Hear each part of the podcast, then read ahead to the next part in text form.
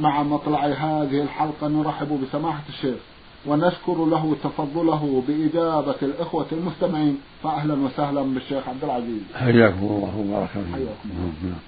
نعود مع مطلع هذه الحلقة إلى رسالة وصلت إلى البرنامج من الأمارات العربية المتحدة باعثتها إحدى الأخوات المستمعات. من هناك تقول المرسلة صاد عين.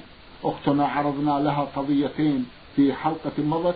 وفي هذه الحلقة لها قضية تقول فيها وجهونا حول امرأة متزوجة من رجل يعيش وسط أسرة كبيرة وتتأخر عن أداء صلاة الظهر إلى الثانية والنصف ظهرا. وإذا نصحتها قالت إن أهل زوجها إذا تأخرت في وضع الغداء تلقى منهم توبيخا شديدا ولو اعتذرت بالصلاة. وجهوها سماحة الشيخ ووجهوا أسرتها. جزاكم الله خيرا.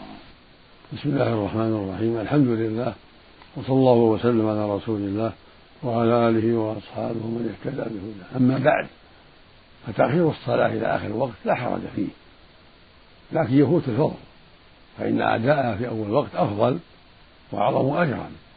لكن إذا دعت الحاجة إلى التأخير فلا حرج بشرط أن تصلى في الوقت وأن تحرص على أن تصليها في الوقت قبل دخول وقت العصر.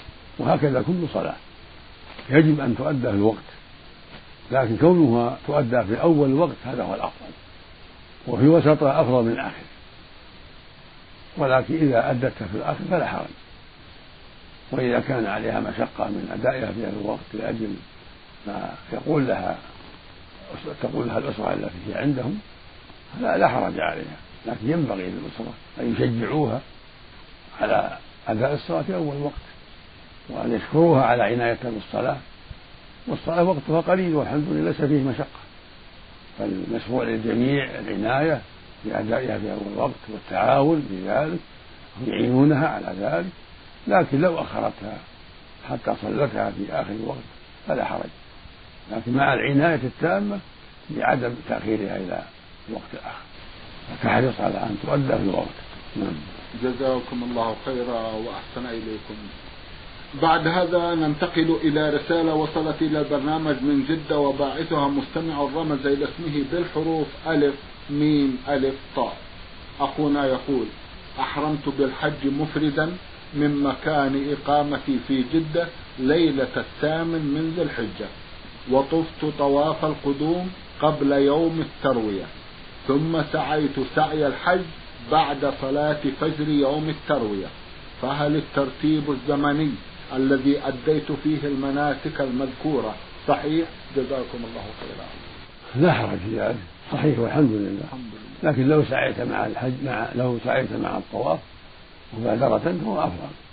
ولكن تأخيره كنت سعيت طفت في ليلة الثامن أو في يوم التاسع ثم سعيت في طفت في الليلة الثامنة أو في اليوم الثامن ثم سعيت في صباح يوم يوم يوم التاسع أو في يوم التروية لا بأس. المقصود الفصل بين السعي وبين الطواف لا يضر. لكن كون السعي يلي الطواف هذا هو الأفضل. فإذا طاف الإنسان في اليوم الثامن أو في السابع ثم سعى بعد ذلك في اليوم الذي بعده أو في الليلة فلا حرج في ذلك. نعم. جزاكم الله خيرا. ماذا علي إذا اضطررت للبس مخيط في لبس الإحرام لعذر شرعي كالمرض؟ إذا اضطر إلى وجود عذر الإنسان يلبس المخيط فلا بأس. وعليه الفدية وهي الصيام ثلاثة أيام أو إطعام ستة مساكين كل مسكين له نصف الصاع من التمر أو البر أو الحنطة أو ذبح شاة يعني جذع ضان أو ثني معز تذبح لمكة الفقراء. على الحال الثلاثة إذا احتاج إلى أن يغطي رأسه من أجل المرض أو يلبس بخيط للمرض فإنه يفعل هذه الكفارة. نعم. الله خيرا. في ثاني أيام التشريق يؤذن الظهر في الثاني في الثاني عشرة والدقيقة الخامسة والعشرين. وقد قمت برمي الجمرة الأولى في الثاني عشرة والدقيقة الثانية والعشرين أي قبل وقت أي قبل الأذان بثلاث دقائق. فهل يجزئ ذلك؟ إذا كانت جهة الشمس ولو ما أذن إذا كانت الشمس مالت إلى جهة الغرب أجزأ ذلك ولو ما سمعت الأذان. المهم الزوال. فإذا كنت رميت بعد الزوال فالحمد لله. وإلا فعليك دم. عن رميك قبل الزوال. جزاكم نعم. الله خيرا. قبل التحلل الأول نتفت شعرة أو شعرتين من جسدي دون تعمد فماذا علي؟ ليس عليك شيء من كان عن نسيان أو جهل ليس عليك شيء جزاكم نعم. الله خيرا أعطيت زكاة مالي لإخوتي الذين ليس لهم القدرة على تكاليف الزواج هذه الأيام من سكن وغيره وذلك حتى يستطيعوا التزوج فهل يجزئ ذلك؟ نعم صدقة في الإخوان ومساعدة في الزواج إذا كانوا فقراء من القرب من أفضل القرب. ولا بأس أن يكون من الزكاة إذا كانوا فقراء مثل ما قلت. نعم. جزاكم الله خيرا. رسالة بعث بها المستمع محمد أحمد خليفة من السودان. أخونا له عدد من القضايا في أحدها يسأل عمن احتفظ بوضوئه لفترة طويلة. هل يجزئ ذلك أو لا؟ لا بأس. الحمد لله. لو توضأ للظهر وبقي على طهارته العصر والمغرب والعشاء لا بأس. النبي صلى النبي عليه الصلاة والسلام صلى يوم الفتح عدة صلوات بوضوء واحد. وقال عمدا فعلت يتأسى به الناس عليه الصلاة والسلام. المقصود أنه إذا صلى صلوات كثيرة بوضوء واحد لم يحدث الحمد لله. حتى لو صلى الفجر. بقي على الطهارة الظهر والعصر والمغرب والعشاء فلا حرج. الحمد لله. نعم. جزاكم الله خيرا. بماذا تنصحون المسلم والحال ما ذكر سماحة الشيخ؟ الأفضل يتوضأ لكل صلاة طيب. أفضل بما فيه من النشاط والأجر. ولكن لو لو صلى عدة صلوات بوضوء واحد فلا حرج نعم. إذا حبس نفسه حبسا سماحة الشيخ. ما مكروه ما ينبغي الحبس. إذا كان هناك مشقة أو يحبس نفسه حبسا ما ينبغي. جزاكم الله النبي عليه السلام قال لا صلاة بحرم الطعام ولا وهو يدافعه الأخبثان ينبغي له أن يتخلى من الأذى ويتوضأ والحمد لله إذا تيسر الوضوء نعم. الحمد لله. جزاكم الله خيرا وأحسن إليكم.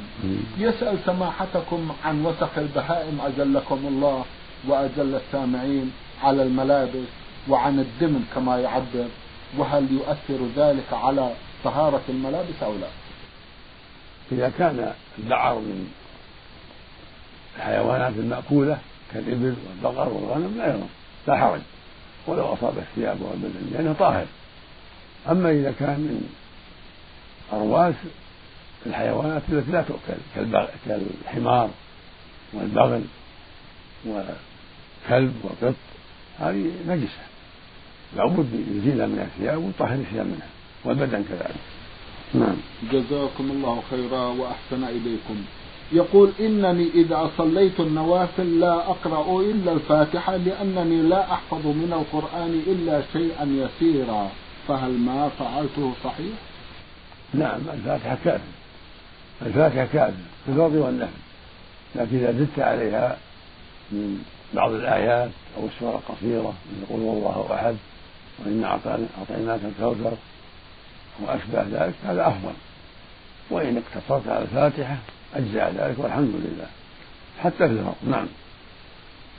جزاكم الله خيرا وأحسن إليكم. مستمع بعث برسالة يقول فيها عين سين ميم يسأل في قضية خاصة به يقول أنا شخص مريض بأمراض نفسية وأتعالج من ذلك منذ فترة طويلة وتنتابني كثير من أوقات السخط. وأفقد رباطة جأشي في. في أوقات كثيرة ويستمر في وصف حاله سماحة الشيخ ويرجوكم في النهاية التوجيه. جزاكم الله خيرا. يقول إنني شخص مريض بأمراض نفسية وأتعالج من ذلك منذ فترة طويلة وتنتابني كثير من أوقات السخط وأفقد رباطة جأشي. ثم يستمر في وصف حاله سماحة الشيخ ويرجوكم التوجيه. جزاكم الله خيرا. نوصيك بسؤال الله العافية. تسأل ربك. أن الله يمنعك بالشفاء والعافية. تجتهد في ذكر الله وطاعته سبحانه وتعالى وأبشر بالخير. المقصود أن عليك الضراعة إلى الله. سؤال الله جل وعلا. أكثر من سؤال الله أن يمن عليك بالعافية والسلامة من هذا الذي تشكو منه. والله جل وعلا هو الجواد الكريم القائل سبحانه ادعوني أستجيب. لكم نعم. جزاكم الله خيرا. يسأل سماحتكم عن الفاصل الزمني بين فريضة الصبح وسنتها. جزاكم الله خيرا. وهل هناك أمر محظور فيما إذا قدم الفرض على النافلة؟ السنة يقدم النافلة. بعد طلوع الفجر. ركعتين سنة الفجر. ولو طال الفصل بينها وبين الفريضة لا يضر. سواء قربت من الفريضة أو بعدت ما دام بعد طلوع الفجر السنة أن يصلي ركعتين ثم يصلي الفريضة. فلو أخرها صلىها بعد الفريضة أو بعد طلوع الشمس. لكن السنة أن يقدمها. سنة المؤمن أن يقدم سنة الفجر. كما كان النبي يفعل عليه الصلاة والسلام. ثم يصلي الفريضة. نعم. جزاكم الله خيرا وأحسن إليكم. من مدينة القريات رسالة بعث بها المستمع سين صاد الشراري.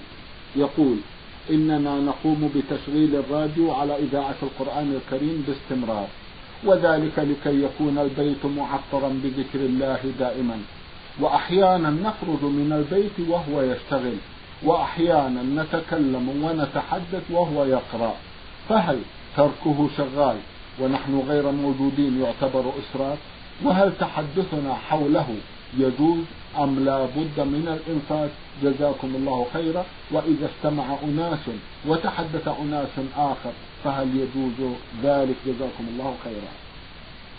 المشروع للمؤمن عند سماع القرآن أن ينصت. فإذا شغلتم على القرآن فأنصتوا واستمعوا واستفيدوا. ولا تحدثوا والقرآن يتلى. الله يقول سبحانه وإذا قرئ القرآن فاستمعوا له وأنصتوا. والمشروع للمؤمن أن يتحرى هذا الخير وأن يحرص عليه.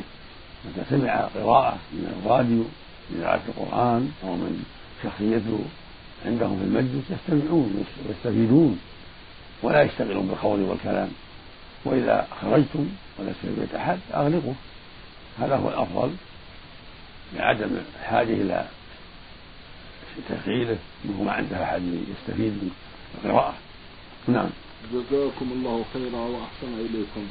يقول كثير من الناس حينما يحضر إلى الصلاة في المسجد وهي مقامة يجدون أطفالا يصلون بعضهم أقل من السابعة وبعضهم أكثر من السابعة فيقومون بإزاحتهم إلى طرف الصف ويصفون في مكانهم. وإذا كانوا في طرف الصف يؤخرونهم إلى الصف الذي يليه مما يؤدي إلى قطع صلاتهم. فهل في عملهم هذا شيء وماذا يجب علينا حين نشاهد مثل ذلك؟ وهل يجوز تأخير الذين أعمارهم أقل من السابعة من صفهم إلى الصف الذي يليه وجهونا جزاكم الله خيرا. أما من كان بلغ السابعة فالمشروع تركه. ولا يجوز تأخيره لأنه سبق إلى ما لم يسبق إليه مسلم. فهو أولى بمكانه في تشجيع على المحافظة والمسارعة إلى الخير فلا يؤخر. أما أما من كان دون السبع فهذا محل نظر. إن ترك فلا بأس.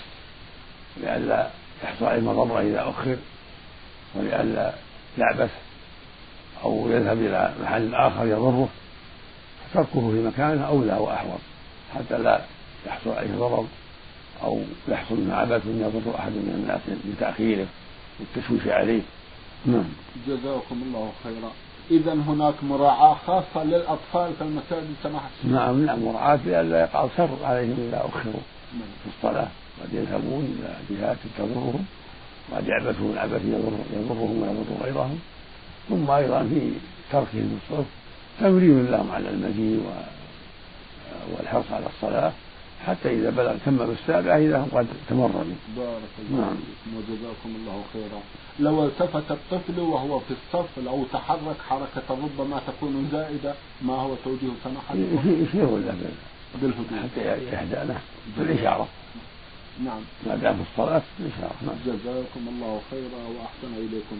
إذا سماحة الشيخ ممن آه، يدعو إلى اصطحاب الأطفال بعد تأديبهم نعم. إلى المساجد. موجهون بارك الله حتى يعتادوا خير نعم. جزاكم الله خيرا.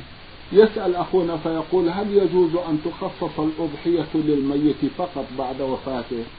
حيث أن كثيرا من العوام أصبح لزاما عليهم إذا توفي والده أو والدته أو أخوه نحر له ناقة في أول عيد للأضاحي بعد وفاته مباشرة.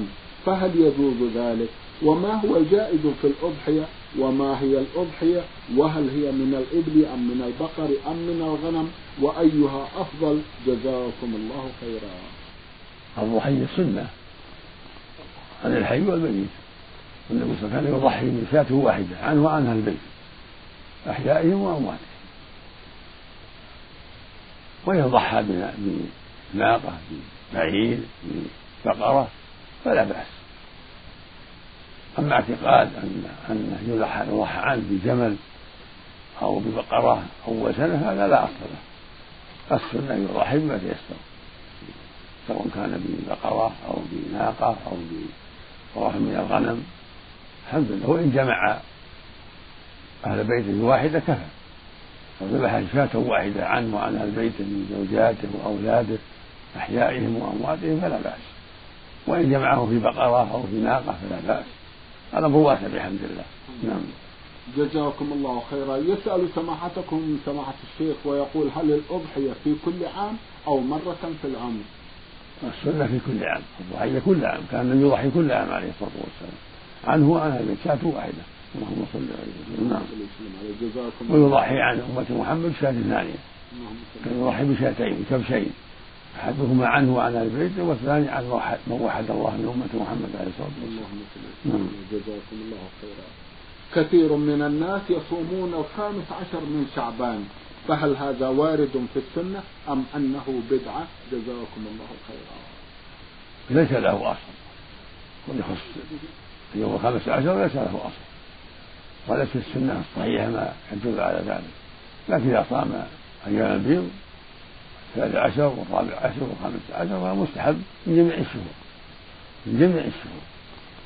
كان النبي صلى الله عليه وسلم يصوم أيام البيض ويصوم شعبان كله وربما صام أكثره. ترك يصوم أكثره ترك يصوم كل شعبان عليه الصلاة والسلام. نعم. جزاكم الله خيرا وأحسن إليكم. رسالة من أحد الإخوة المستمعين ضمنها عددا من الأسئلة في أحدها يقول متى نؤدي صلاة الليل؟ صلاة الليل ما بين صلاة العشاء إلى طلوع الفجر كل صلاة الليل. من الفضاء من صلاة العشاء إلى طلوع الفجر. لكن الأفضل في آخر الليل أو في جوف الليل. وإن صليته قبل أن تنام فذلك أيضا طيب وخير إذا كنت تخشى. تخشى أن لا تقوم من آخر الليل فالأفضل أن تصلي في أول الليل قبل أن تنام. قد أوصى النبي صلى الله عليه وسلم بعض الصحابة بالإيثار قبل النوم. فكل إنسان أعلم بنفسه. إذا كان يستطيع قيام في آخر الليل هذا أفضل. وإلا صلى في أول الليل. نعم. جزاكم الله خيرا. يقول قمت من النوم وكانت الشمس مصفرة تقريبا فصليت العصر. هل صلاتي صحيحة؟ صحيحة وعليك التوبة إلى الله. لا يجوز تأخير العصر أن تصفر الشمس. يجب أن تصلى قبل تصفر الشمس وعليك أن تخبر أهلك أن يوقظوك أو تركز الساعة على وقت تلتقي الصلاة فيه مع المسلمين. لا يجوز التساهل. يجب أن تصلي مع المسلمين في مساجدهم صلاة العصر وغيرها. ولا يجوز تأخير صلاة العصر إلى أن تصفر الشمس. لا للرجل ولا المرأة يجب على الرجل والمرأة أداء صلاة العصر قبل أن تصفر الشمس. وعلى الرجل خاصة يصليها في جماعة في مساجد الله. نعم. جزاكم الله خيرا. هل يمكن أن نعطي الزكاة أو الصدقة للخادمة؟ إذا كانت فقيرة تعلم حالها وأعطيتها من الزكاة لا بأس. لكن الاحتياط أن يكفيها راتبها وتعطي الناس تعرف حالهم وفقرهم. تواسيهم تحسن إليهم. أما الخادمة فقد يستبدل أمرها قد لا تعلم حالها كما ينبغي ولعل في راتبها ما يكفي. نعم. جزاكم الله خيرا وأحسن إليكم. يسأل سماحتكم مجموعة من الكتب. أولا الكتب التي تبحث في العقيدة. حاط عنوان؟ يسأل لو تذكرون اسمها كما ذكرت نعم نعم نعم. فتح المجيد طيب. الشيخ إبراهيم بن حسن تيسير عبد الحميد الشيخ سلمان عبد الله. كالورية شيخ الإسلام ابن تيمية الحموية شيخ الإسلام ابن تيمية أيضا العقيدة الوسطية له أيضا زاد المعاد ابن القيم رحمه الله إغاثة اللهفان ابن القيم رحمه الله الصواعق المرسلة لابن القيم رحمه الله اجتماع الجيوش الإسلامية لابن القيم رحمه الله كتاب التوحيد الشيخ محمد بن الوهاب ثلاثة الأصول كشف الشبهات له أيضا رحمه الله كل هذه كتب عظيمة مفيدة الطحاوية وشرحها الإمام العز كلها طيبة في العقيدة. وأعظم ذلك وأكبرها القرآن العظيم. هو أعظم أكبر. هو أصدق كتاب وأعظم كتاب. كتاب الله القرآن. هو كتاب عقيدة وكتاب أحكام. فنوصي كل مسلم ومسلمة بالعناية بالقرآن. والإكثار من تلاوته تدبر معانيه. ففيه العلم العظيم بالعقيدة والأحكام الشرعية. وهكذا أحاديث أحاديث الرسول صلى الله عليه وسلم كتب الحديث الشريف الصحيحين. البخاري ومسلم مثل رياض الصالحين منتقى الأخبار ابن تيمية بلوغ المرام لحافظ بن حجر كتب جيدة عظيمة في الحديث. عمدة في الحديث للشيخ عبد الغني بن عبد الواحد المقدسي كتاب عظيم. نعم. جزاكم الله خيرا. أيضا يسأل سماحتكم عناوين لبعض كتب الفقه. كتب الفقه كثيرة. كتب الفقه كثيرة لكن من أفضلها نعم. كتاب المغني موفق عبد الله بن قدامة والمجموع للنووي رحمه الله والمقنع للموفق رحمه الله عبد الله بن قدامة كشاف القناع المنتهى للحنابلة شرح الزاد روض المربع للحنابلة حاشية ابن قاسم كل هذه كتب مفيدة. نعم. جزاكم الله خيرا. الحديث تقدم بيان نعم. السيرة؟ سيرة ابن إسحاق سيرة ابن هشام كتاب ابن معاذ القيم كلها فيها السيرة النبوية